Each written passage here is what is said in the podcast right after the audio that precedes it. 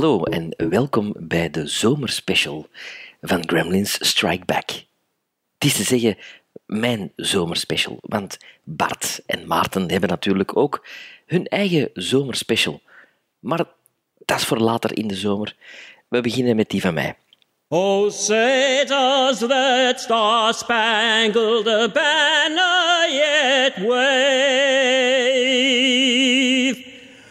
the land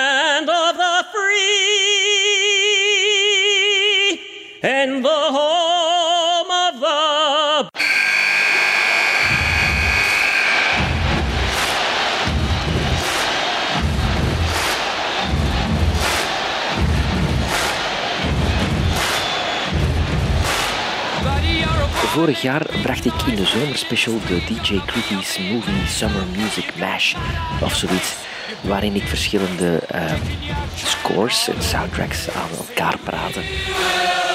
Een van mijn favoriete scores en filmsoundtracks uiteraard. Ik wou dat dit jaar ook doen, maar ja, ik kreeg ineens een ander idee. Eigenlijk door zelf naar een podcast te luisteren en eigenlijk op aangeven van Bart. Die zei, waarom doe je zoiets niet? Eh, ik zeg, ja, dat is goed. Dus waar gaat het over? Er is een, een podcast en die heet 80s All Over. Wat doen die gasten?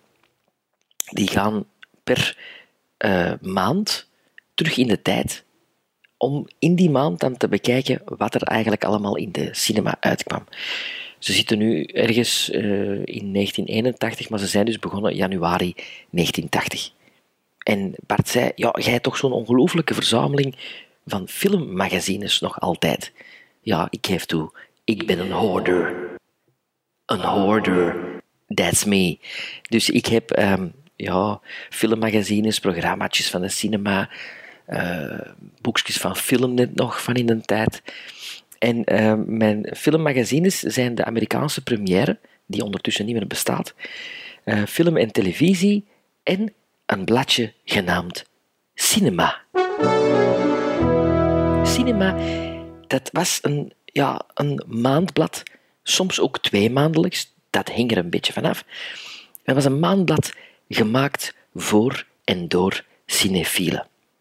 Ik weet dat dat voor mij de Bijbel was, zeker gedurende de jaren tachtig. Alles wat daarin stond, verslond ik. Artikels die erin stonden, aankondigingen, reclameboodschappen. Enfin, het was een beetje ja, de, de leidraad doorheen mijn eh, prille cinemabezoek. Er was natuurlijk ook Jo Rupke op tv in die tijd. De man die heel langzaam praatte en zo mooi over film kon praten op de toenmalige BRT. Eh, op Nederland was dat dan Simon van Kolm, die op de Tros een filmprogramma had. En op Engeland was dat Barry Norman, de onlangs overleden Barry Norman, die een filmprogramma presenteerde op de BBC. Dat heette Film en dan het jaartal. Dus bijvoorbeeld Film 84 of Film 85, over een gemakkelijke tv-titel gesproken. Maar dus cinema. Het boekje, ja, het is een ongelooflijk eh boekje. Het is een A4-formaat en een titel alleen al, cinema. Ja, ik vind dat een geweldig woord. Cinema is cinema. Eh, de bioscoop, dat vind ik zo, ja, ik weet het niet. Maar we gaan naar de cinema. Dat is, dat is fantastisch, dat zegt alles. Dat, eh, dat bladje, ik heb hier eh, een magazine gekozen van die cinema van de zomermaanden van 1986. We gaan dus even terug in de tijd naar het jaar 1986 en meer bepaald naar juli, augustus 1986. Op de cover van de cinema nummer 98 van juli, augustus 1986 prijkt niemand minder dan Sylvester Stallone.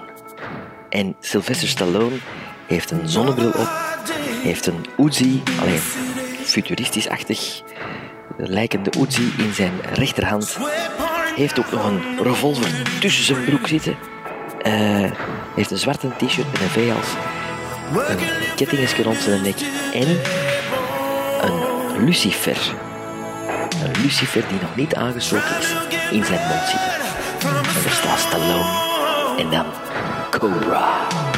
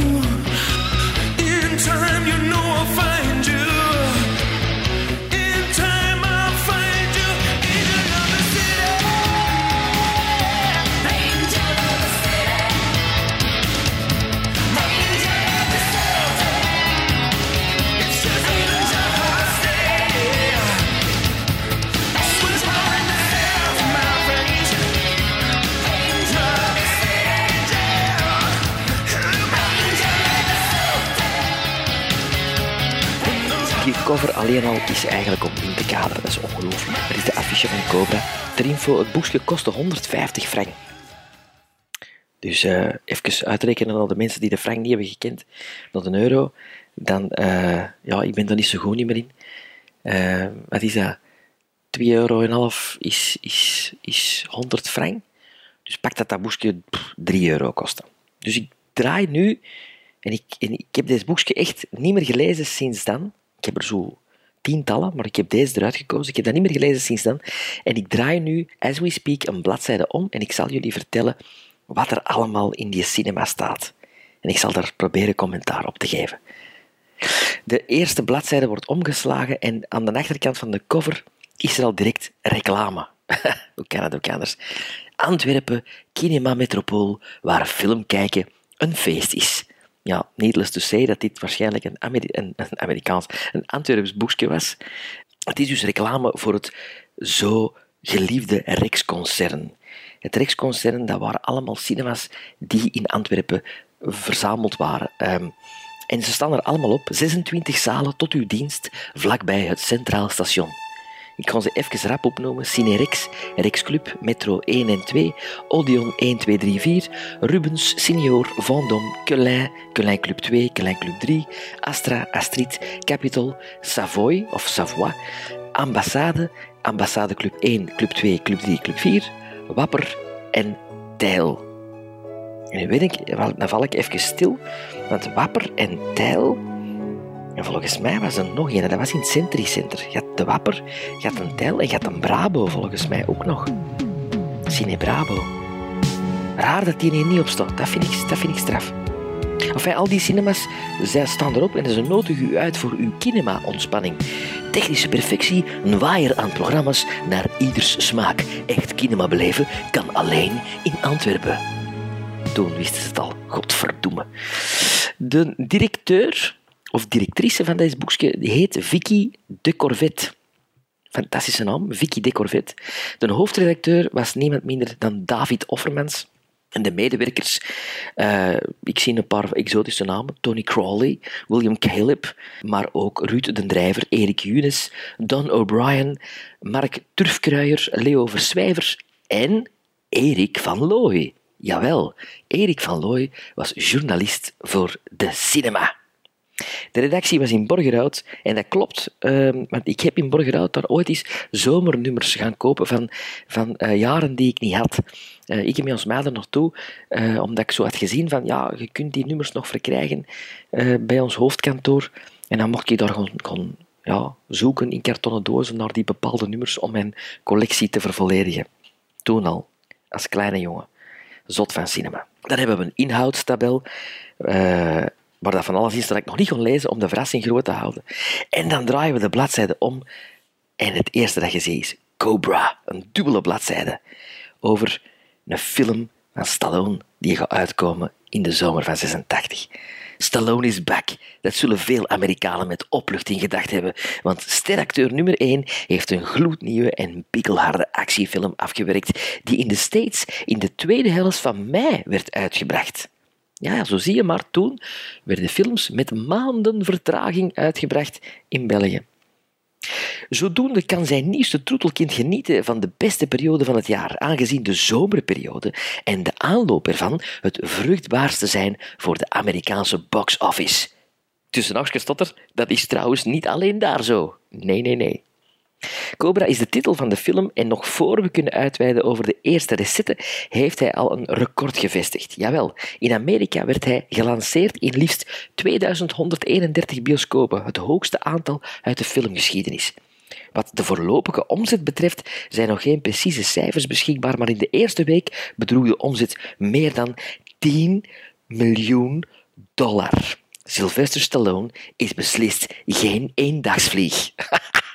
In 86 dacht men nog dat Sylvester Stallone een eendagsvlieg ging zijn. Ja, geweldig.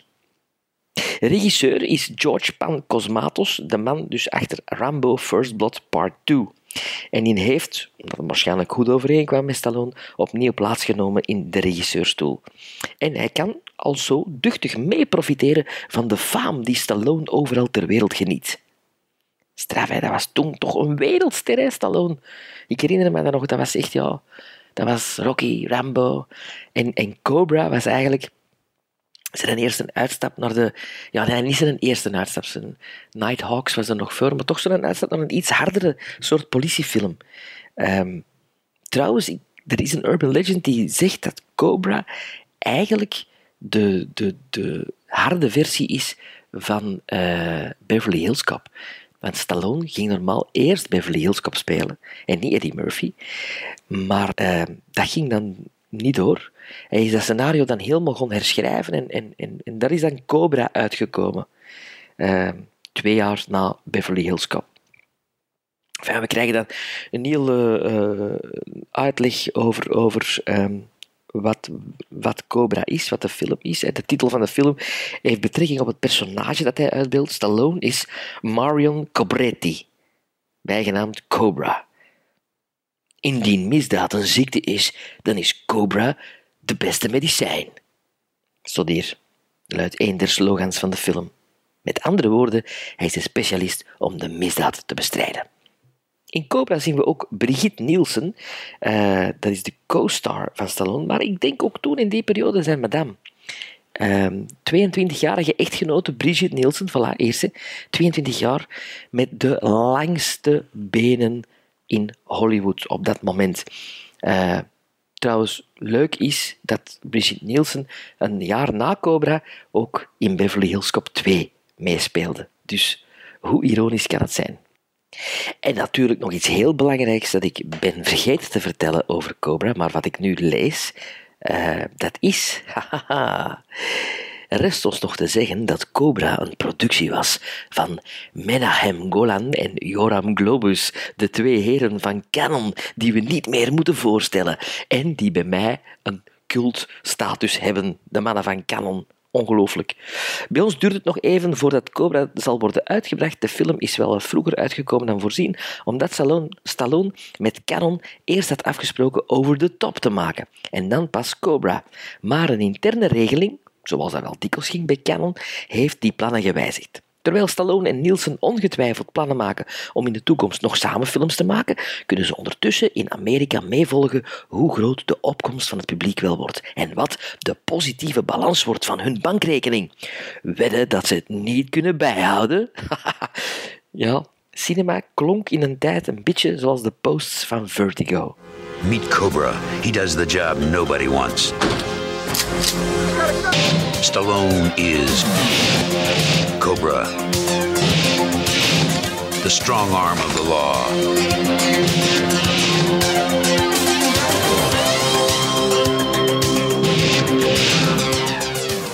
Ik sla de bladzijde om en wat zien we?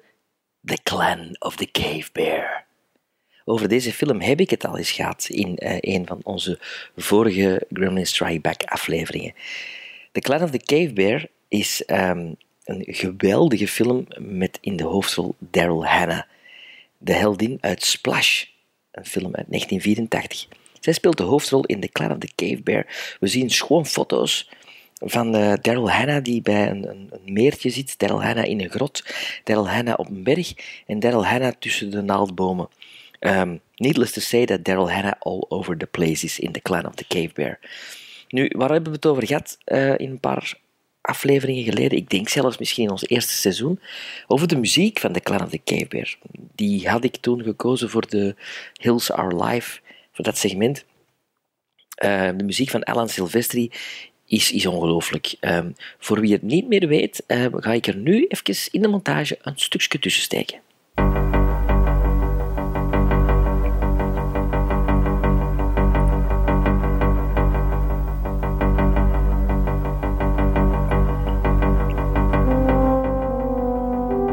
Of the Cave Bear, uh, dat in het voorjaar in Amerika in omloop werd gebracht. Hier zie je weer al zo'n film waar dan maanden op gewacht moet worden. Um, um, het thema van de film sluit nauw aan bij dat van Caveman uit 81 en Quest for Fire, ook uit 81. De prehistorie. En vooral de verhoudingen uh, tussen het dominerende mannelijke geslacht enerzijds en de vrouwen anderzijds, die hun nut en waardigheid binnen hun eigen leefwereld moeten bevestigen.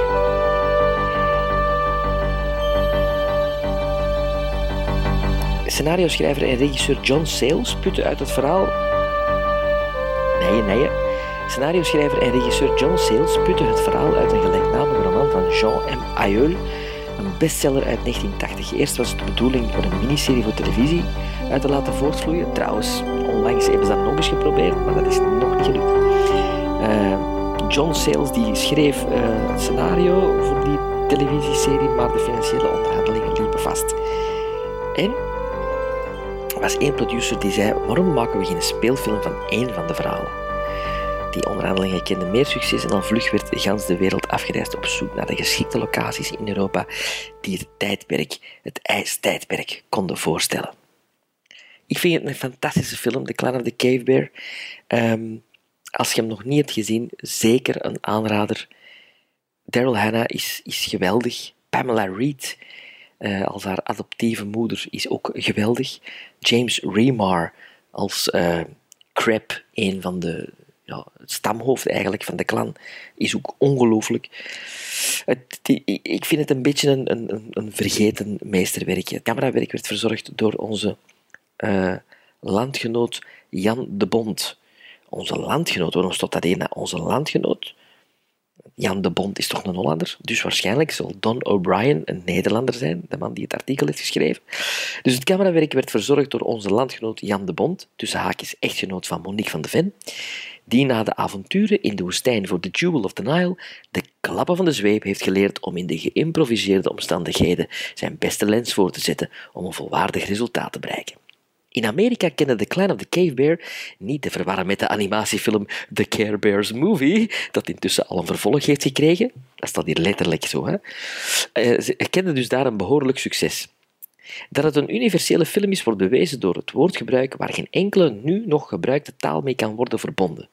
Om de prehistorische dialogen toch verstaanbaar te maken, werden in Amerika ondertitels ingelast. Ons zal voorzeker hetzelfde worden aangehouden. Fantastisch toch, hè? Ik sla. Ah, voilà. Cannes 1986.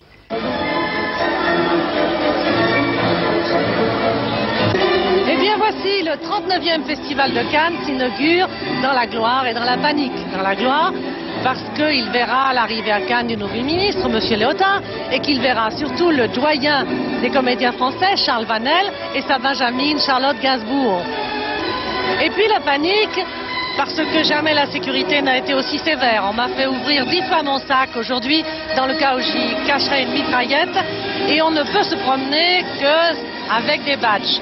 Enfin, tout ça, c'est pour notre sécurité, et espérons que tout se passera très bien. Le film présenté ce soir est international s'il en est, puisque c'est un film réalisé par un Polonais de nationalité française, Roman Polanski, qu'il est joué par un Américain, Walter Matthau, une Anglaise, Charlotte Lewis, un Français, Chris Campion, et il a été tourné en Tunisie avec ja. un producteur tunisien. Arty Farty Smarty Time. Dat is een ongelooflijk artikel met heel veel tekst. Um, ik ga gewoon de hoofdpunten eventjes aanstippen. Um, in, in ons kan-dagboek van vorig jaar kregen we dit artikel de titel mee Stilte voor de storm. Vandaag is het meer storm voor de stilte. Iedereen is woedend over het feit dat Hollywood wegblijft, uit angst voor terroristische aanslagen of voor de atoomwolk van Tsjernobyl. Dat is de titel. Geen Spielberg, geen Scorsese, geen Travolta, geen Burt Reynolds, geen Whoopi Goldberg. Om in, geen Burt Reynolds was toen, allee, ongelooflijk. In 86 was het een big deal dat Burt Reynolds niet in Cannes was. oh, fantastisch toch? I love the 80s. Oh, en hier, godverdomme, ook geen Kim Basinger. In het kort, geen Amerikanen de laffe afwezigheid van de Hollywoodians die zo weinig kennen van de echte wereld en toch verwachten dat hun productie, eh, distributiemensen hier wel aanwezig zijn en alle risico's dragen om te kopen, verkopen, promoten en dit tot aller glorie en profijt van die sterren, uitroepteken. Egoïsme op een breedvoerige schaal, zonder meer. Oh man, man, man. Het is toch zo lachen. Die, die journalisten van toen. Alleen die van nu ook eigenlijk. Bon, je ziet een foto staan van Joram Globus en Menachem Golan, want die waren er wel, onze Cannon Boys.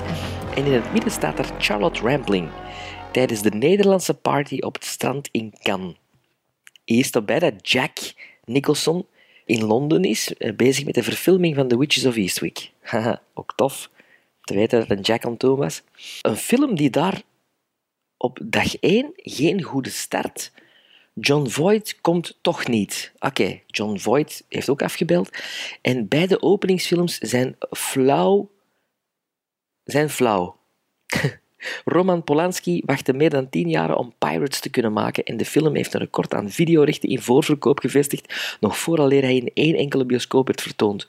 Maar op het grote scherm, zero. Polanski tracht een heropleving te creëren van de zeer over actiefilms, maar Polanski is geen Spielberg, staat hier, of geen Richard Lester, en brengt niets nieuws in het genre, zoals destijds gebeurde met Indiana Jones en uh, The Three Musketeers. Nou, nou, ben ik niet helemaal akkoord met onze vriend. Wie heeft het artikel geschreven? Ik ga een paar bladzijden verder zien. Maar zeg, hoeveel blaren over kan kunt hebben?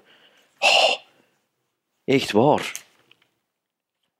Van 338 tot 352 gaat dat over kan. Maar zeg. Eh, onze vriend, hoe weet hem? Oh, er staat zelfs geen naam bij. Ah. Oké, okay, de naamloze journalist.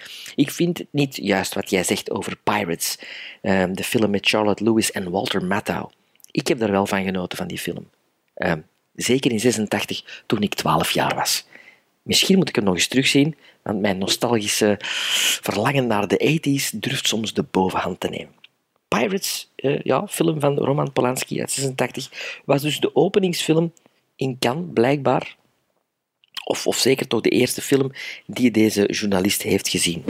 Canon Films presents Walter Matthau in Roman Polanski's epic adventure about the most infamous, dreaded, and feared pirate of all time. I am Thomas Bartholomew Red. Long live Captain was the most daring buccaneer to sail the seven seas a master of surprise. A genius at escape. His rightful place is on the scaffold.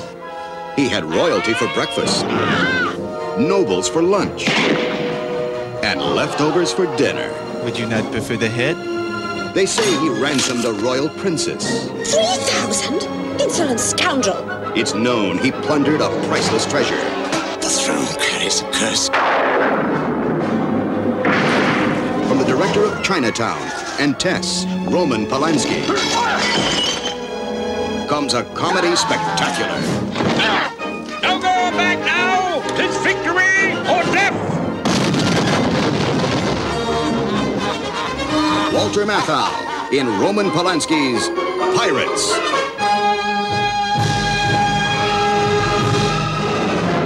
We slagen weer een blad om. En Bob Hoskins uh, en Cathy Tyson in Mona Lisa van de Brit Neil Jordan. Hoskins kreeg terecht een gouden palm voor zijn uitzonderlijke prestatie als de brave gangster George. Ja, dat is wel terecht. Mona Lisa is een geweldige um, film noir, film, uh, thriller, uh, privédetectieve film um, met Bob Hoskins en Michael Caine. Ook in een leuke rol. Hi, I'm Michael Caine. My name is Michael Caine. Dat is eventjes een kleine Michael Caine uh, imitatie. Nog eens, nog eens. Hi, my name is Michael Caine. I'm Michael Caine. Never blink the eyes. Never, never blink the eyes. Enfin, zwart. Dit even terzijde. Um, Mona Lisa, topfilm. prix d'interprétation masculine est attribué à Bob Hoskins pour Mona Lisa. Je voudrais appeler Bob Hoskins, qui vient d'arriver à l'instant même. Volgende bladzijde Isabelle Huppert in Cactus van de Australiër Paul Cox. Ik ken Paul Cox, ik ken Isabelle Huppert, maar ik ken de film Cactus niet. En dan nog een fotootje. Trintignant, Anouk Aimé et Lelouch. Uh, om te vergeten staat er. Puntje, puntje, puntje. Om te vergeten. Gelezen, Claude Lelouch was de laatste Franse laureaat om in Cannes de Gouden Palm te veroveren en dan moest hij die nog delen. En zijn nieuwe film, sterk gelijkend op al zijn films sinds 66, is Un homme et une femme, 20 ans déjà. Maar het is in feite Lelouch, 20 ans déjà. Een grote teleurstelling. ah ja, oké. Vandaar de puntjes, puntjes, puntjes. We slagen nog een bladzijde om, nog altijd over dat vreselijke kan. Uh, regisseur Mohamed Lakdar Hamina en Veronique Janot in de Frans-Algerijnse film La Dernière Image. Nooit gezien. Uh, Volgende bladzijde. Erland Josephson als Alexandre in Andrei Tarkovsky's prijswinnaar Sacrificio. Ja, dat is denk ik eh, Maarten en Bart-territorie. Eh, want Tarkovsky, dat is niet mijn ding, denk ik. Ik heb er nog nooit iets van gezien, maar ja, het spreekt mij niet zo aan. Misschien ben ik verkeerd. Dat kan. Bladzijde om. Kan. Nog altijd over kan. I Love You. Film met Christophe Lambert. Eh, nooit gezien eigenlijk. Eddie Michel en Christophe Lambert. De Italiaanse cineast Marco Ferreri houdt ervan om het publiek in verwarring te brengen. Vroeger gebruikte hij hiervoor een shocktherapie. In het historische La Grande Bouffe, oh, fantastische film, kwamen vier mannen op het idee om zich dood te vreten. In La Dernière Femme sneed Gérard Depardieu zijn penis af. Ook interessant. En in Tales of Ordinary Madness bewerkte de mooie Ornella Muti haar vagina met een veiligheidsspeld. Wel, leuke man zou ik zeggen, die Marco Ferreri. Ah, geef toe, dit zijn niet het soort verhalen die elke dag in de krant leest. En doorgaans begonnen de conservatieve bioscoopbezoekers dan ook te stijgen. Ja, misschien ben ik dan wel een conservatieve bioscoopbezoeker. Ja, I love you, dus oké, een film met Christophe Lambert. Er staat bij, bovendien levert de snelklimmende Franse topster Christophe Lambert andermaal een beklijvende vertolking. Times have changed. the Highlander is not the Highlander anymore. There can be only one. Volgende bladzijde. Ah, Steven Spielberg geeft onderrichtingen aan Whoopi Goldberg, dus heel waarschijnlijk zal dan ook The Color Purple op kan worden vertoond. Omdat acht uur terug in het Palais voor Spielbergs The Color Purple. Ah, wacht, nee, die mens vertelt dus hè, om acht uur terug in het Palais voor Spielbergs The Color Purple. Dit wordt de tweede grote Amerikaanse film zonder regisseur en zonder persconferentie. Ongelooflijk toch? Precies vier jaar geleden kon men hier een persconferentie houden met de Turkse regisseur Yilmaz Gunes. Hij was ontsnapt uit een Turkse gevangenis en wist kan te bereiken en zelfs de Gouden Palm te veroveren ja, fijn dat we van die man ook nooit niets meer hebben gehoord. Maar, en Spielberg durft hier niet komen opdagen. Toch was hij enkele weken geleden op vakantie in Tel Aviv. Veel interessanter voor terroristen en gevaarlijker voor toeristen. Hij woonde er de opening bij van Herbie Sam's Disco. En dat zijn goede doelwitten. fucking journalist. De geruchten dat hij via de satelliet een persconferentie zou houden, wat hij al wel heeft gedaan voor zijn weinig indrukwekkende Amazing Stories op tv, Asshole, Amazing Stories is geweldig. Enfin, die waren dus uit de lucht gegrepen. Er kwam niets van terecht. Een Franse criticus verklaart op de radio dat Spielberg zijn beste tijd heeft gekend en over zijn hoogtepunt heen is. Ah, ja. Ja. Enfin. We slagen nog een bladzijde om. Dit is ongelooflijk. Dit is een ongelooflijk moment. Bart, speciaal voor jou. Ik draai mijn bladzijde om en wie staat daar op een foto? Om Puri. Om Puri, de Indische acteur die dit jaar is overleden? Om Puri in Cannes. Om Puri, Shabana Azmi en Nasseruddin Shah in Genesis, een Frans-Indisch-Belgisch-Zwitserse co-productie. Om Puri, zegt nou nog eens dat hem niet bekend was. Hè? De man was in Cannes. Nog een foto van een Ierse film, Eat the Peach, nooit van gehoord. En dan een andere bladzijde. Robert De Niro speelt de hoofdrol in de nieuwe superproductie van Roland Joffe, geproduceerd door David Putnam, The Mission. A land of timeless beauty. An age of conquest. The laws of heaven.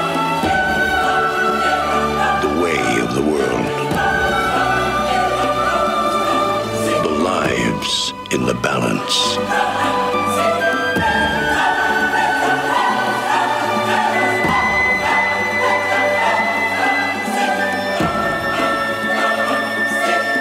Now, from the director of The Killing Fields, comes this year's winner of the Best Picture Award at the Cannes Film Festival. The Mission. Wauw, The Mission, fantastisch. Wat een ongelofelijke film. Ik herinner het me nog zo. Ik heb die in de zomer van 86 gaan zien in Cine Rubens, het grootste scherm van Antwerpen toen. Eh, samen met mijn schoonbroer. Eh, ja, ik was 12 jaar en, en, en het zijn films die ik ja, me moeilijk kan voorstellen dat een 12-jarige interesseren. Maar mij interesseerde dat dus wel. De muziek van Morricone, de, de vertolking van, van Jeremy Irons, van Robert De Niro. Ja, geweldige film. Ook een film die een postcreditscène heeft. Eh, als je hem nog eens zeker blijven zitten tot, tot na de credits. Ik draai nog een bladzijde om en nog kan. Nu, kan begint stilletjes aan uh, mijn stroot uit te komen hier. Um, we hebben hier uh, film Thérèse van Alain Cavalier. We hebben hier Ricochet, een Israëlische film van Eli Cohen. De volgende bladzijde Opera de Malandro, de slotfilm van uh. Susan George met onze medewerker Erik van Looy. Erik van Looy, broekvent met bril. Ah, dat is straf dat hij toen ook al een bril op had. Tja, tja. En dan Andrei Konchalovsky, de Russische regisseur die nu een nieuwe carrière is begonnen in Amerika met Runaway Train. Een Canon production, jawel. En dan nog een blad omslagen en dan zien we nog eens... Nog kan uitleg en foto's. Eindelijk foto's. Een foto van John Voight, die op de Runaway Train ligt. Een geweldige film trouwens, Runaway Train, met Eric Roberts en John Voight, allebei Oscar genomineerd voor deze Canon-film. We zien een foto van Othello, denk ik, waarin dat Placido Domingo meespeelt. En zien een foto van Walter Matthau uh, uit Pirates.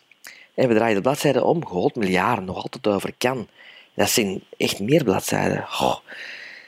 Ah, Hannah and Her Sisters. Ah, een lach en een traan. Om half negen s morgens worden we, worden we getrakteerd op Woody Allen. Ieder jaar komt hij ons verrassen, nooit in competitie weliswaar. Wie zou hem kunnen overtreffen? Hannah and Her Sisters brengt hem terug op het witte doek. En het is de vierde film met Michael Caine die in Cannes loopt. Dus Michael Caine had dat jaar vier films op Cannes. Denk Mona Lisa, Hannah and Her Sisters... Um, ja, en de andere, dat weet ik niet. In 86. Maar tof, tof. Her Sisters, mm, ja. Ja, een beetje mijn favoriete Woody Allen eigenlijk toch wel.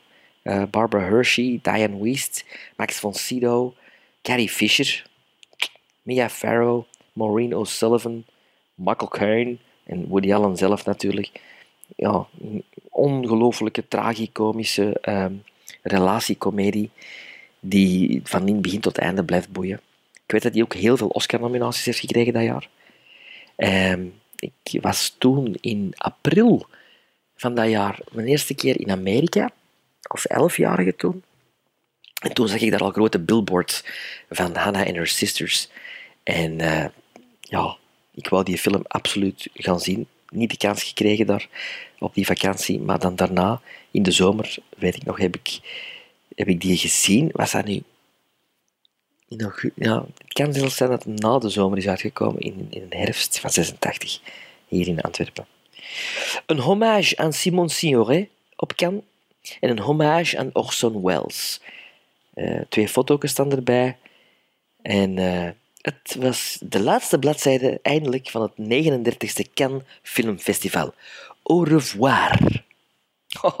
En dan de bladzijde omslagen in Arnold Schwarzenegger. Raw Deal.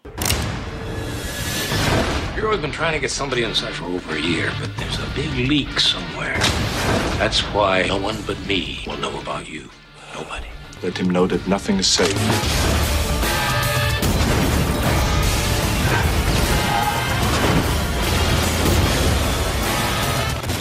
Must be what they mean by poetic justice.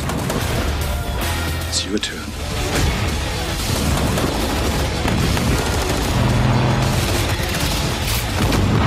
You kill anybody? Yeah. You want names and addresses?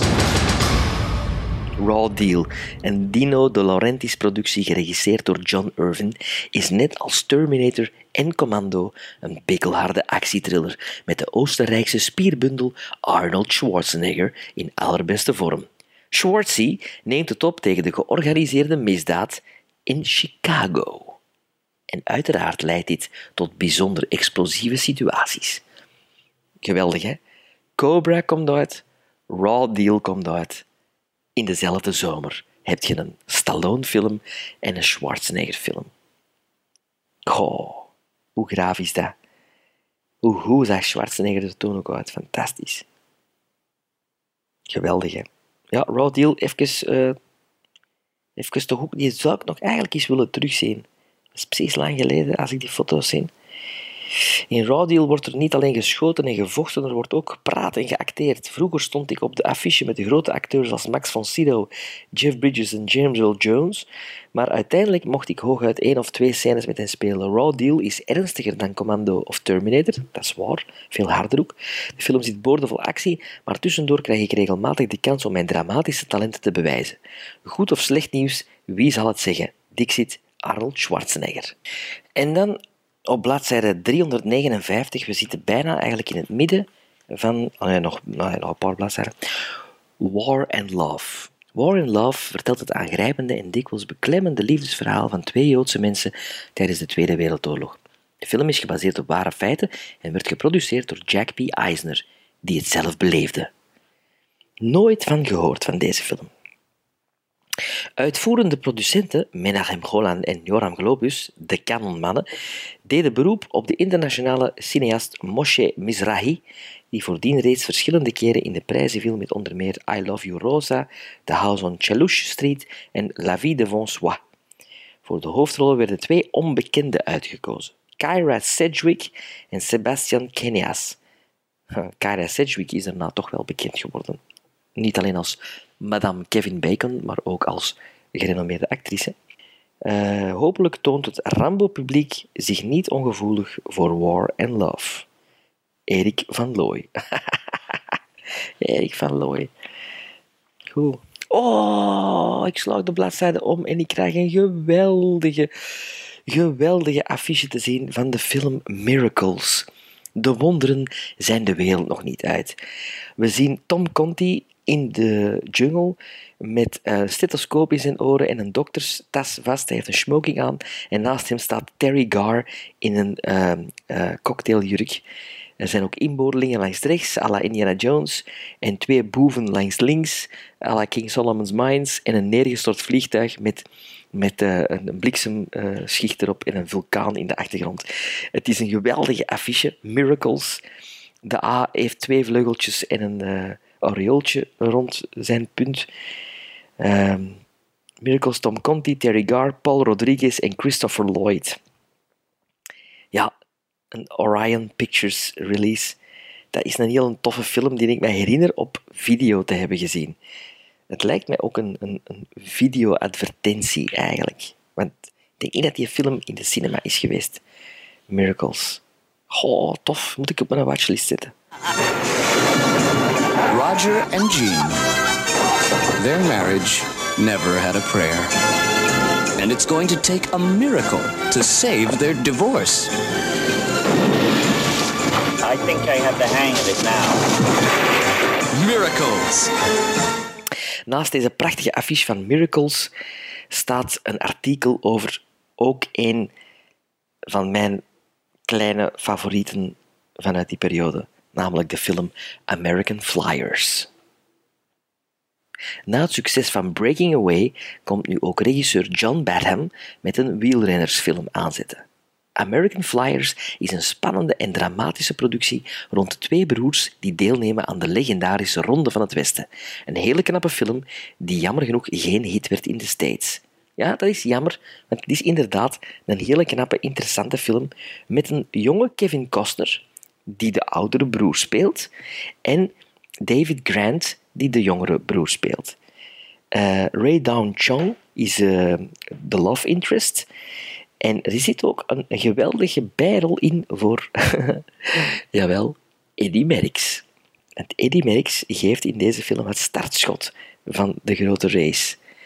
Het is, het is, ja, het is een beetje een avonturenfilm op wielen. Uh, John Badham, die kennen we natuurlijk allemaal van Saturday Night Fever, Whose Life Is It Anyway, Blue Thunder en War Games. Maar American Flyers, um, ja, is, is de film in 86 die hij maakte. Hij deed het minder goed aan de kassa, maar dat heeft vooral te maken met het onderwerp. Want toen was natuurlijk ja, cyclisme nog niet zo ingeburgerd in de States. 86, dat moet je rekenen. Le Monde was eigenlijk uh, ja, op zijn hoogtepunt zeker toen. Dus misschien is die film ermee te maken van, ja, omdat we nu een Amerikaan hebben die de Tour de France wint, maken we ook nu eens een, een film eh, over wielrennen. Maar het is geen groot succes geweest. Ik weet zelfs niet of die hier in de cinema is uitgebracht. Ehm, ik heb hem gezien op, op, op eh, video. De eerste keer. En ik heb de LP ook, want dat is fantastische muziek. Would you like a ride? Where are your handlebars?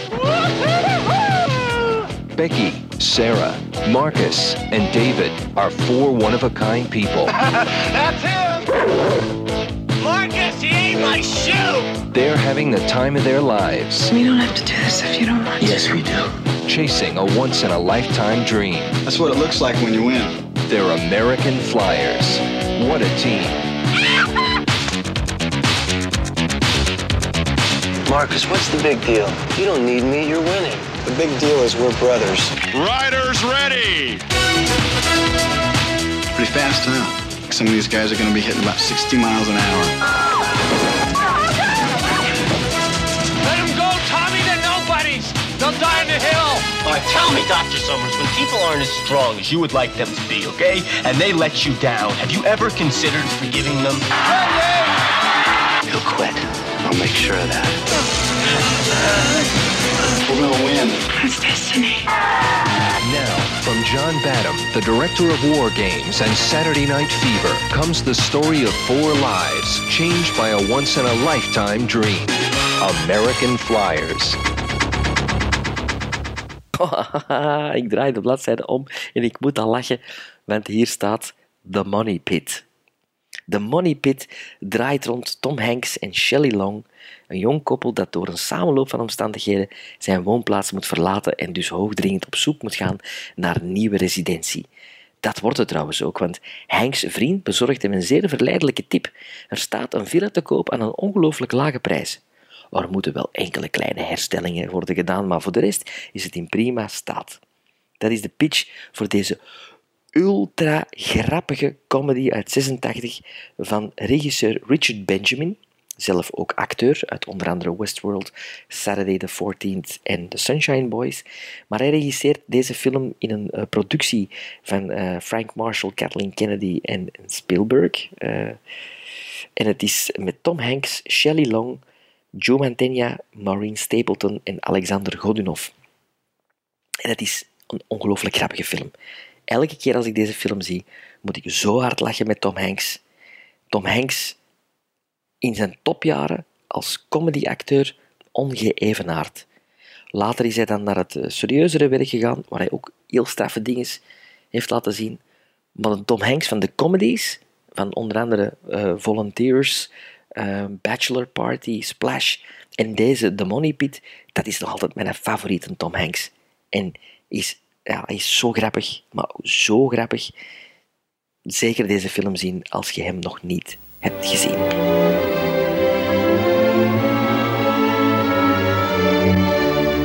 Anna and Walter are young, single, and in love. They've got good jobs, fabulous futures, a magnificent new home that they bought for a song. Who says they can't have it all? Fun fixing it up. You'll see.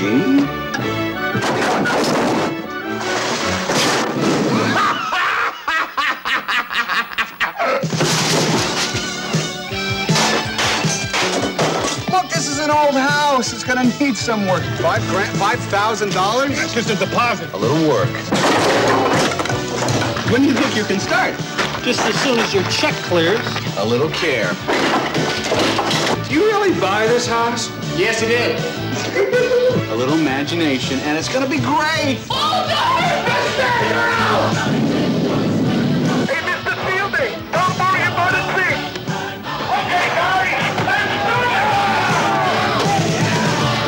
The Money Pit. If they've got what it takes, it's going to take everything they've got. Draai het bladje om. Oh, it keeps on getting better. De zomer van 86 is toch fantastisch. Allee, wat hebben we nou al niet? We hebben gehad Cobra, Clan of the Cave Bear, Raw Deal, eh, American Flyers, Miracles, eh, dan er juist de lessen hier, de money pit, en dan draai je een bladzijde om. En wat zie je dan? The Karate Kid Part 2. De filmzomer van 84 bracht, één enkele verrassing. The Karate Kid, een romantische, plezierige en actievolle publieksfilm die zowel in Amerika als in Europa brokken maakte aan de kassa. Een vervolg kon dus niet uitblijven. Maar The Karate Kid Part 2 voldoet jammer genoeg niet aan de verwachtingen. Och jongen, dat is echt wel kak, maar dat is wel waar. Dat is een toffe sequel. Karate Kid Part 2. Ralph Macchio. Oh, tof. Noriyuki Pat Morita. Ja, ik vond dat een toffe film, The Karate Kid 2. Oh, hier, hier. Het is een artikel van Erik van Looy trouwens. Erik van Looy schrijft: De Karate Kid 2 is vervelend en irriterend. Zo wat het laatste wat we van de Karate Kid 1 konden zeggen. Pff, nee, Karate Kid Part 2 is ook cool. Oh, oh, en dan slaat een bladzijde om en dan staat er gewoon Salvador. Salvador van Oliver Stone. Salvador is een controversiële semi-documentaire geworden over de belevenissen en lotgevallen van Richard Boyle, oorlogscorrespondent van de Amerikaanse omroep NBC, die de opdracht krijgt om verslag uit te brengen van de chaotische toestand in El Salvador. James Woods is de man die in de huid van journalist is gekropen. James Woods, mijn nummer uh, twee, mijn nummer twee van de character actors all time. En wie speelt er nog mee? John Savage. Oliver Stone was de regisseur, want in 1981 maakte hij The Hand met Michael Caine. Michael Caine is wel een rode draad ontworpen hier, Michael Caine. En de andere hoofdrolspelers zijn uh, James Belushi. Godverdikke, James Belushi zit hier in Salvador. Geweldig. Geweldig, geweldig. En John Savage. Die moet ik toch nog eens terugzien, Salvador. Ik weet dat Bart die nog niet heeft gezien. Ik heb die ooit gezien. Dat is eigenlijk zo'n beetje pre-Platoon, maar zo in hetzelfde jaar uitgebracht als Platoon. Interessant. Interessant om die nog eens terug even zo aan te typen.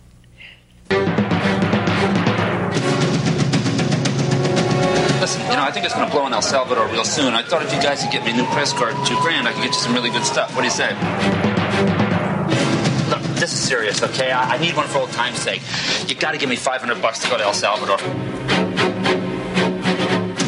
They kill people here, Boyle. You believe everything you read in the papers? Come on, man. You're going to love it here. What? Getting out of here, Boyle. Look, Doc, this is my last chance. If I can get some good combat shots for AP, you know, I can make some money. Whatever you do, okay? Don't get on the ground. They're not just shooting the Indians. They're shooting at us. Chaos has descended on tiny El Salvador in Central America. I knew it. You gotta talk to you! They rearranged this kid's molecules and they took their time about it. Richard. He is dying out there right now while we're talking. Now, stay cool, man. I'll get you out, okay? So any information or photos you can throw my way. Pretty fantastic. I mean, they could come tonight, they could take her away, and they could kill her too. Richard, Richard, that doesn't have anything to do with us. Marry me. It is widely rumored, sir, that you are the head of the death squads terrorizing the countryside and the city. A pathological killer on the right, and God knows what on the left, and a gutless middle. Ma'am, these are not combat troops. The ambassador, you know, United States.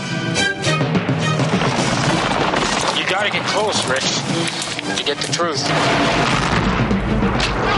You get too close, you die. You're gonna be in big heaven, man. We slaan een bladzijde om. Oh, it doesn't get any better than this. Oh, de zomer van 86. Short Circuit. Short Circuit met de robot Johnny Five. Johnny Five is alive. Steve Gutenberg speelt een hoofdrol in deze prachtige family comedy. Eh, ook van John Badham. Hey, dat is straf, dat wist ik niet. Dus de John Badham van American Flyers heeft in hetzelfde jaar Short Circuit gemaakt. Die is wel een succes geworden. John Badham regisseerde Short Circuit, een komedie over een robot die tot leven komt. Steve Guttenberg, de held uit de drie Police Academy films, oh, in 86 waren er al drie Police Academy films, is een computerfreak die de militaire basis waar hij werkt met al zijn gesofisticeerde apparatuur als zijn eigen werkterrein beschouwt. En precies daar kan hij al zijn fantasiedromen uitleven. Hij ligt mee aan de basis van het ontwerpen van een aantal robotten, maar bij de vijfde uit de reeks, Johnny Five, loopt iets mis. Hij trekt de wijde wereld in en komt tot leven. Artificial intelligence wordt dus eigenlijk slimmer. Ali Sheedy, oh, Ali Sheedy. Ali Sheedy van de Breakfast Club en van Blue City. Oh, Ali Sheedy van, van de, de Brad Pack. Ali Sheedy, die een warm hart heeft voor dieren, zal zich over het verloren ding ontfermen. Op 6 september 85 begonnen de opname van de film. En ja, nu wordt hij dus uitgebracht. Hè. En het is een, een ongelooflijk succes geworden. Deze film is immers een lichtgewicht. Een productie die in de zomerperiode vlot kan meedraaien tussen de grote hits en de talloze hernemingen. Dat weet John Badham ook. Hij is duidelijk van alle markten thuis. Ik denk dat die Short Circuit toch een topsucces is geweest. Ik weet alleszins dat het hier, uh, ja... Ik heb hem gezien in de cinema. En ik was er zot van. Dat is ook van dat liedje van... Who's Johnny? She said. And uh, the other way. Who's Johnny? She said. Ja, dat, dat liedje dus.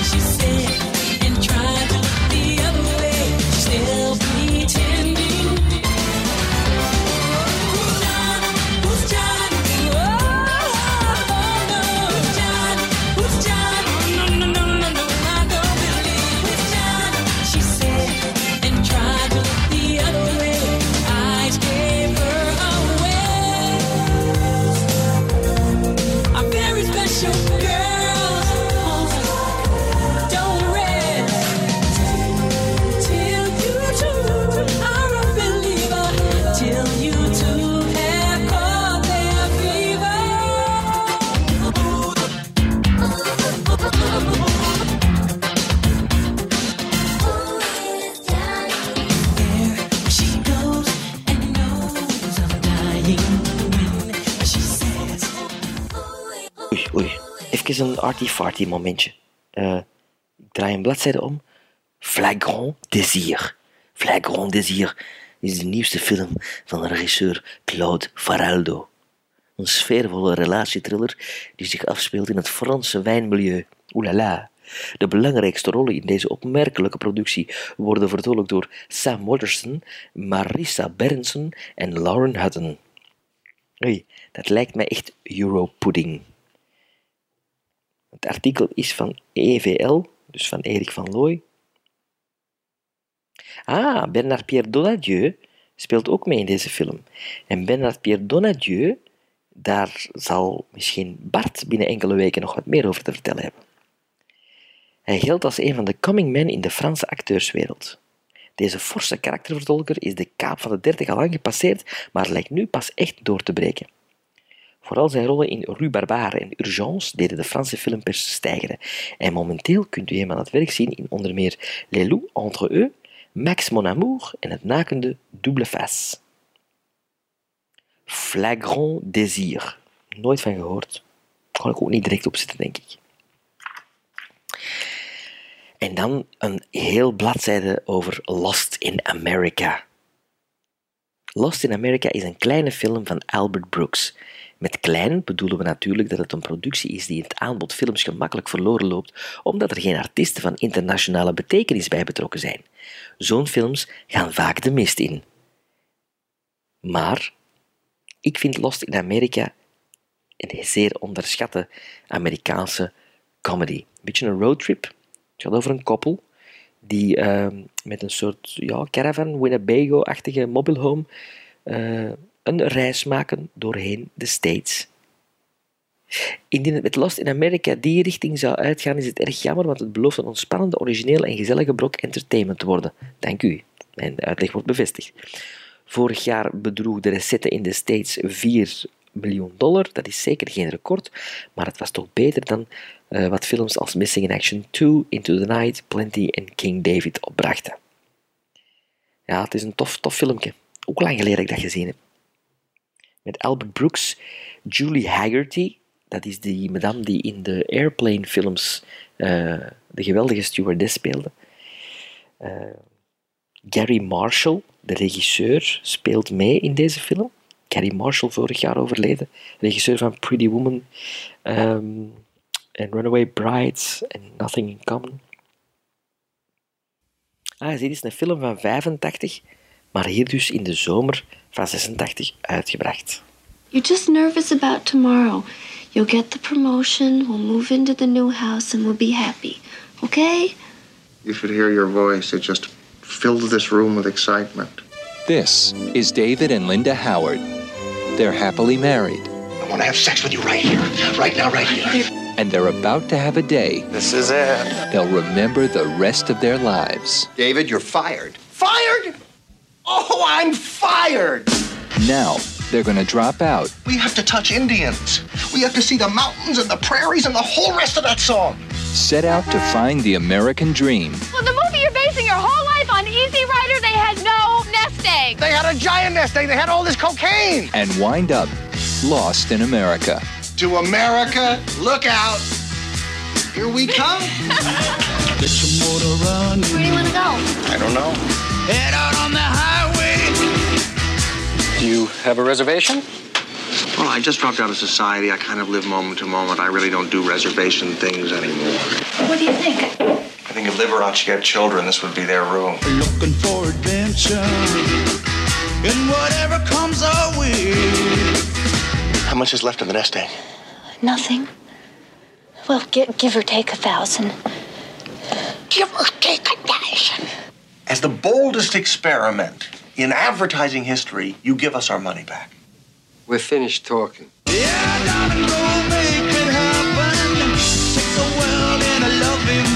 get in that car! I've lost a woman. A whole woman. Born to be wild. That's not funny.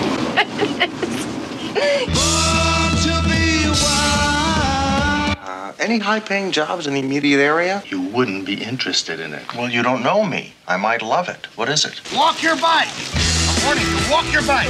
Dumb Brillo pad, fathead. Come on, your mouth! Here we go! Hey! I hate like. Kill the child! The Geffen Company presents Albert Brooks and Julie Haggerty, Lost in America. Great movie. You gotta see it. It's historic.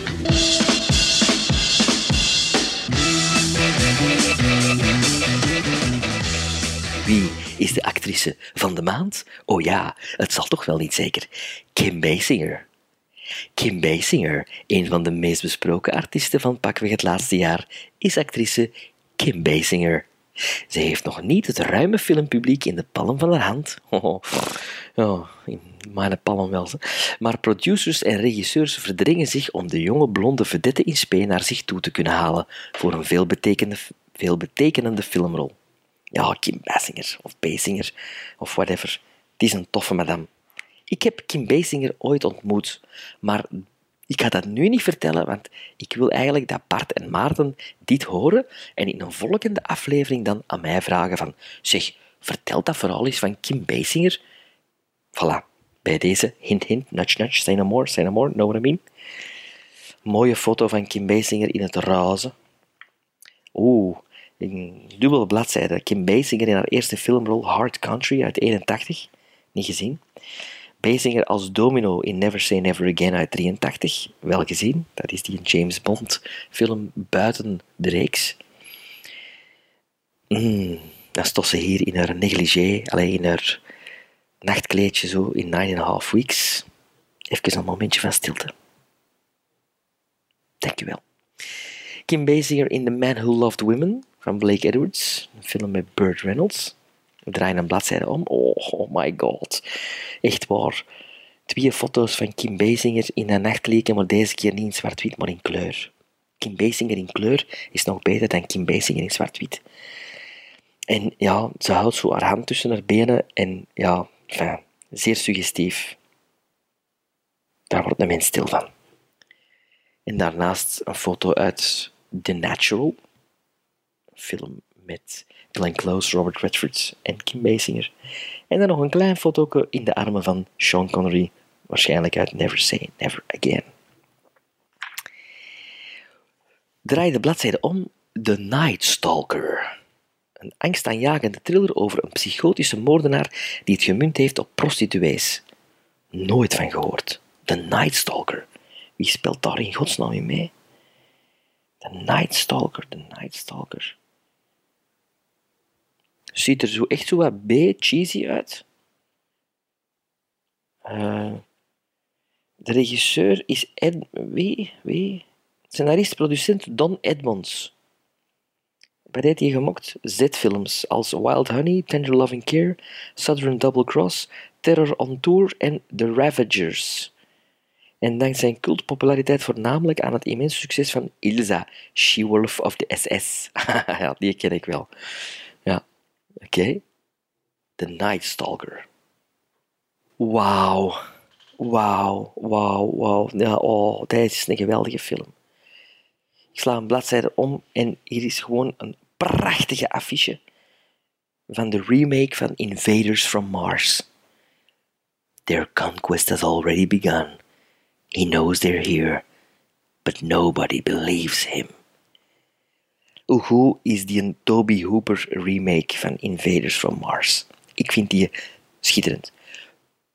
Niet alleen omdat Toby Hooper bijna dezelfde decors gebruikt als in de originele Invaders from Mars, maar ook omdat Canon deze film heeft geproduceerd en het er allemaal lekker cheesy 80s uitziet. Ik weet dat ik die film heb gezien, ik weet nog in welke cinema.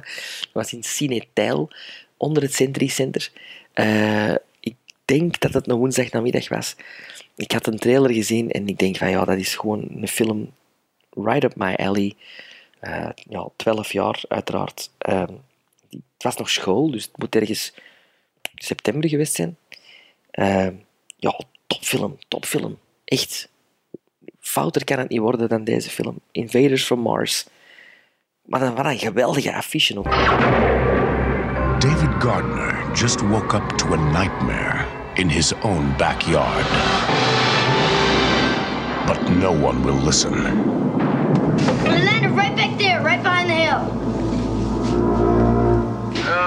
No one will believe. I told you he needs psychiatric help. And soon, no one will be left. Dad? Are you okay, Dad? Fine. Because something strange is happening to the people of Willow Creek. Everything's fine now. And David Gardner is about to find out why. David! I'm gonna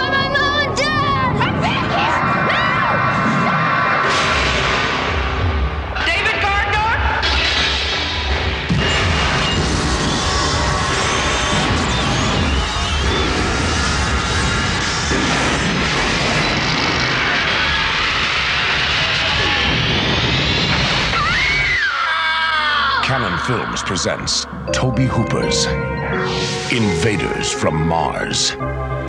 There's no place on Earth to hide.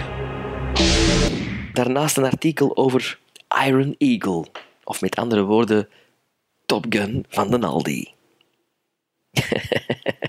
Doug Masters, gespeeld door Jason Gedrick, droomt al jaren van een toekomst als jetpiloot. Zijn vader is een hooggeplaatste piloot bij het leger en Doug is vastbesloten om in zijn voetsporen, te treden. Is dus ook de korte inhoud van Top Gun. Vroeger werd de knaap dikwijls meegenomen voor testvluchten en Doug weet tot in de puntjes hoe hij een F-16 moet besturen. Louis Gossett Jr.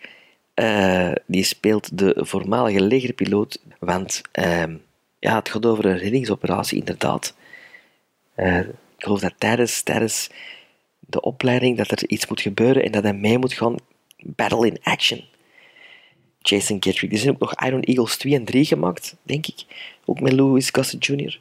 Maar de eerste is geen slechte film. Dus een rip-off van Top Gun. Maar eh, ik heb hem niet in de cinema gezien, maar wel op eh, video. Iron Eagle. Kei goede muziek ook. Kei echte 80s muziek. An American hostage faces a sentence of death. Washington's hands are tied. We're doing all we can. Three days, they're gonna hang him. His only hope, his 18 year old son and Air Force ace Chappie Sinclair. Together, they're willing to do what the government can. Waiting time is over. I'm coming down, Dad. Louis Gossett Jr., Jason Gedrick, Iron Eagle, rated PG 13. Starts Friday at a theater near you. Check newspapers for showtimes. Oxford Blues op de volgende bladzijde. Een film met Rob Lowe uit 86. Ah, wel, ik kan toegeven, dat is een film die ik nog nooit heb gezien. Ja, het is gebeurd. Een echte 80s film zoals Oxford Blues die ik niet heb gezien. Met Ali Sheedy en Rob Lowe. Eh, ja, straf. Tieneridool Rob Lowe, zo pas nog in de belangstelling met Youngblood, levert andermaal een prima vertolking in Oxford Blues, een romantische komedie over een Amerikaanse jongeman die naar Oxford gaat studeren om er de lady van zijn dromen te ontmoeten. Ah ja, dat zal het probleem geweest zijn. Het was een beetje een, eh, een chick flick. Ja, en dat wilde natuurlijk op het 12 jaar niet zien, hè. Oxford Blues. Rob Lowe, Pretty Boy. Draai de bladzijde om. De nieuwe film van Danny de Munk, Op Hoop van Zegen. De voorbije maanden werd de laatste hand gelegd aan een nieuwe Nederlandse speelfilm Op Hoop van Zegen. De regie werd gevoerd door Guido Pieters en onder zijn hoede heeft hij acteurs als Kitty Courbois, Danny de Munk, Huub Stapel, Albert Mol, Lex Goudsmit. Nooit gezien, deze Nederpolder film over het boerenleven. Eh, nee. Ik heb wel Siske Draad gezien een paar jaar ervoor, wat ik fantastisch vond. Maar die op hoop van zegen is niet echt eh, tot mij doorgedrongen. Wauw! Maar de avond is gewoon echt waar. Ik draai een bladzijde om en ik zie gewoon een foto, een mega grote foto, bijna zo groot als de bladzijde van Charles Bronson. Met een ongelooflijke film, Murphy's Law. Oh, mij, echt waar. Aan het blijten. Zo graag vind ik het. Charles Bronson staat nog steeds zijn man. Nauwelijks enkele maanden na Death Wish 3 verschijnt nu Murphy's Law in de bioscoop. En de liefhebbers van potige actiefilms weten meteen waarheen. Ze zullen deze donkere thriller bijzonder op prijs stellen. En dat is ook een hele goede film, Murphy's Law. Geregisseerd door Jack Lee Thompson. Eh, en ik denk zelfs, zou het een Canon-productie kunnen zijn? Denk je wel, hè? Niet? Charles Bronson is Jack Murphy. Stay away from me! I'll blow your head off! He's a renegade cop. For years, he's made his own rules. Have a nice day, Arabella. I eat it, toe jam. Bronson is back. Don't mess with Jack Murphy. But now, he's been set up. You're under arrest, smart guy. Got a dozen witnesses. Ballistics identified your gun as the murder weapon. You're going to jail, Jack. I heard they arrested a cop. What the hell are you doing? And she's his only way out. Someone's framed me for three murders. Now they're both running for their lives.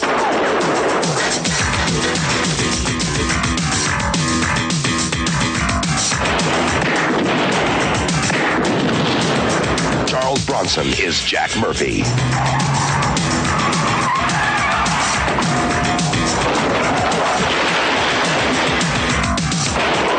Murphy's gotten out. Now he's getting even. Charles Bronson. Murphy's Law. Ja, tof. Amai, zeg, wat een zomer, mannetjes. Stallone, Schwarzenegger, James Woods, Karate Kid, Money Pit, Hannah and Sisters, Murphy's Law, Invaders from Mars, Iron Eagle, Oxford Blues. Top zomer 86. Top, top, top, top, top. Ik neem afscheid van Charles Bronson. Met pijn in het hart, want ik moet uw blad omslaan, man. Oké, Charlie Bronson. Here we go. Oh, oh, oh. Oké. Zwarte bladzijde. Want er staat van boven in het groot overleden. Dus het is eigenlijk Don't Fear the Reaper time. Wie is er overleden in 86? Ehm, ja, Otto Preminger. Producer, regisseur Otto Preminger. Hij was 79. Preminger eh, is een Oostenrijkse man die ehm, in Hollywood wel enkele films heeft geregisseerd. The Man with the Golden Arm, The River of No Return, eh, The Cardinal. Ja, een hele bladzijde aan Otto Preminger. Daarnaast Broderick Crawford, een acteur. Ehm, ja, ik ken hem wel van naam en van gezicht ook. The Private Files of J. Edgar Hoover. Ja. Dan Yakima Kanut, een pionier onder de stuntlui. Yakima Kanut. Hij was 90. Stunts gedaan voor Spartacus, Ben Hur, Elcid, Breakheart Pass. Herschel Bernardi, een eh, vroegere bekend van de tv-serie Arnie, is gestorven. Robert Alda, de vader van Alan Alda, ook acteur, gestorven. Oei, nog een bladzijde met obituaries. Sterling Hayden, een eh, zeer eh, bekende acteur van de, de zwart-wit films en vooral dan ehm, ja, westerns, Flaming Feather, eh, wat is er allemaal? Ah, het staat ook in The Killing van Stanley Kubrick. The Asphalt Jungle speelt er ook in mee. En dan Bessie Love, een van de weinige veteranen uit de periode van de stomme film, die tot voor kort zelfs nog acteerde, is op 26 april overleden. Ze was 87. Ze speelde mee in Birth of a Nation en in Intolerance en in The Broadway Melody.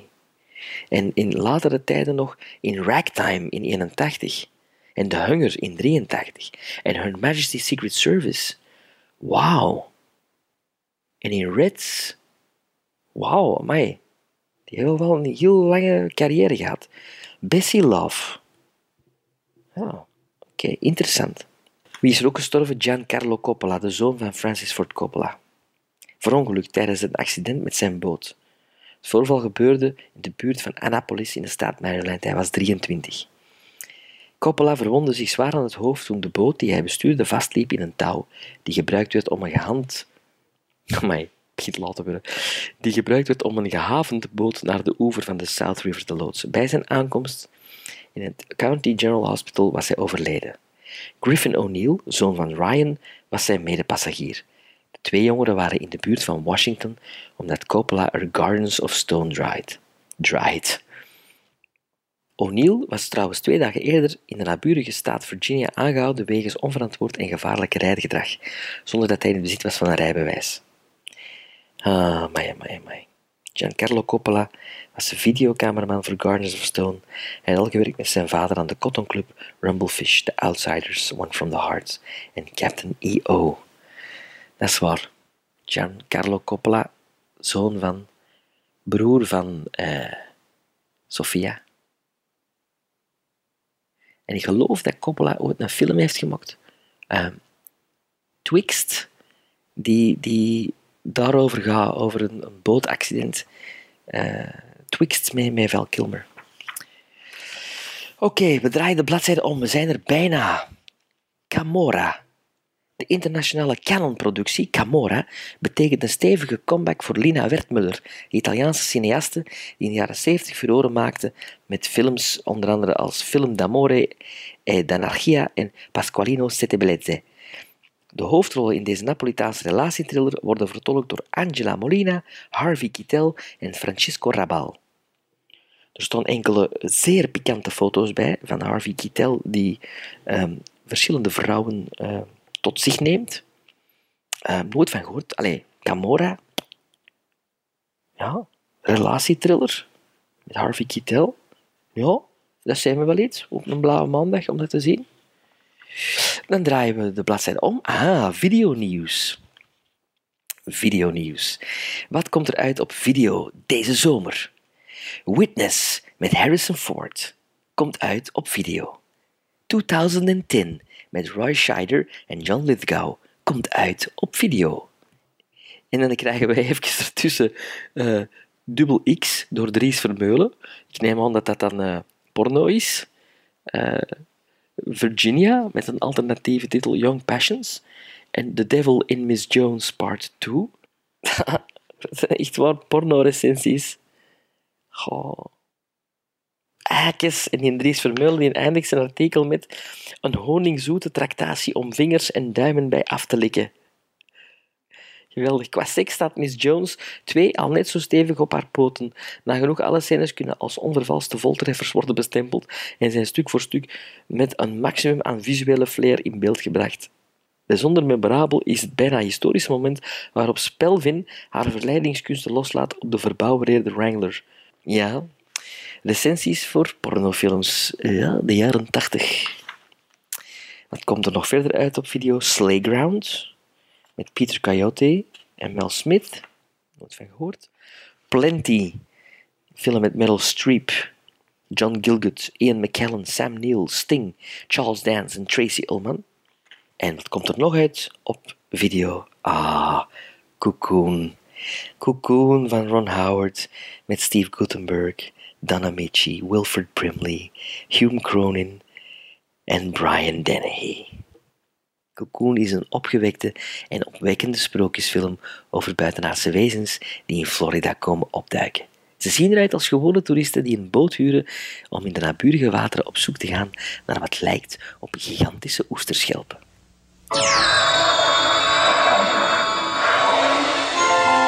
From the farthest corner of a distant galaxy and the deepest feelings of the human soul comes a fantasy to fill your heart.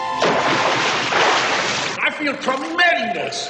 I'm ready to take on the world. Ow! Ow! It is everything you've dreamed of. It is nothing you expect. Oh, I can keep a secret. I won't tell anybody. It's hard to know who to trust. It is the mystery of an awesome secret. It is the miracle of everlasting life. We'll never be sick. We won't get any older, and we won't ever die. Beyond the innocence of youth and the wisdom of age lies the wonder of Cocoon.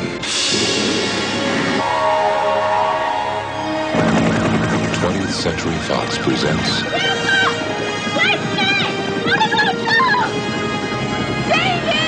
the new film from the producers of Jaws and the director of Splash. Cocoon. Dat is leuk. Leuk film om mee te eindigen. Het laatste bladzijde zijn er nog oude nummers. Oude nummers uit 79, uit 80, 81, 20, 83. En ja, die heb ik allemaal besteld, denk ik, toen. We slaan het blad om en van achter, van achter op de cinema krijgen we nog een advertentie voor een horrorfilm die uitgebracht is door het label Torn Emmy. Een thriller met meetbare spanning. Een onvervalste thriller met onder andere Tony Roberts en Tess Harper, waarbij er vreemde dingen gebeuren in het beruchte Amityville huis. Raadsels waarvoor zelfs een parapsycholoog wordt ingeschakeld. Maar dat had hij beter niet kunnen doen. U bent en wordt gewaarschuwd, want op elke doos zit een stressmeter om te meten of u de spanning aankunt. Amityville 3. Ik heb die nooit gezien, denk ik. Ja, ik denk het wel, aan het kaftje te zien. Bon, dit was mijn relaas over de zomer van 86, juli, augustus 1986. Ik hoop dat jullie er een beetje van genoten hebben En als het dikke flauwekul is, laat het dan ook alsjeblieft weten. bye bye en eh, tot de volgende zomerspecial. It's it's wonderful actually sitting here and, and listening to you talk because it, I mean yours is, is the most impersonated voice in, in the business, isn't it? Oh yeah, everyone. Everybody I, does. I can do it. Can you do it? Yeah, yeah. Hello, my name is Michael Caine.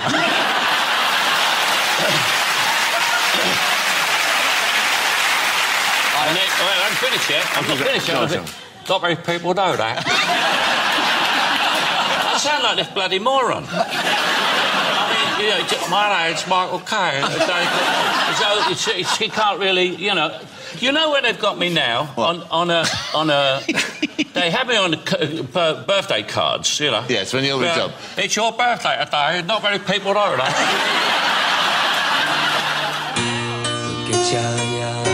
I am Michael Caine. He's walking where I'm afraid I don't know. See the fireman jumping from the windows. There's panic and I hear somebody scream. He picks up useless paper and puts it in my pocket. I'm trying very hard to keep my fingers clean. I can't remember, tell me what's his name. My name wanted was a word, a photograph to keep And all I wanted was a word, a photograph to keep. The sun is laughing, it's another broken morning. I see a shadow and call out to try and warn him. He didn't seem to hear, just turned away.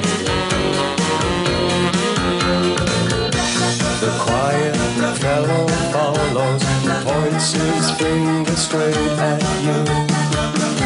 He had to sacrifice his pride, yes, throw it all away.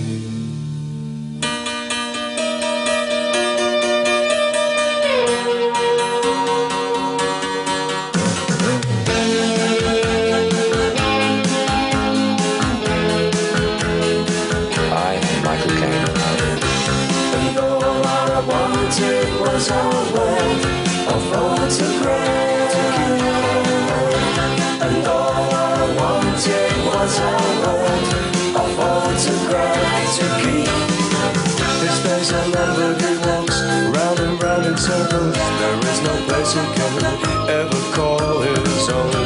He seems to jump at the sound of the phone. Staring out the window, there's nothing he can do. All he wanted was to remain sane.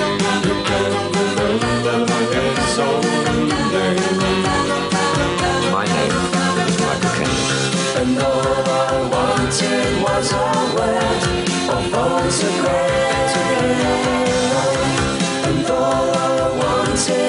a word, a photograph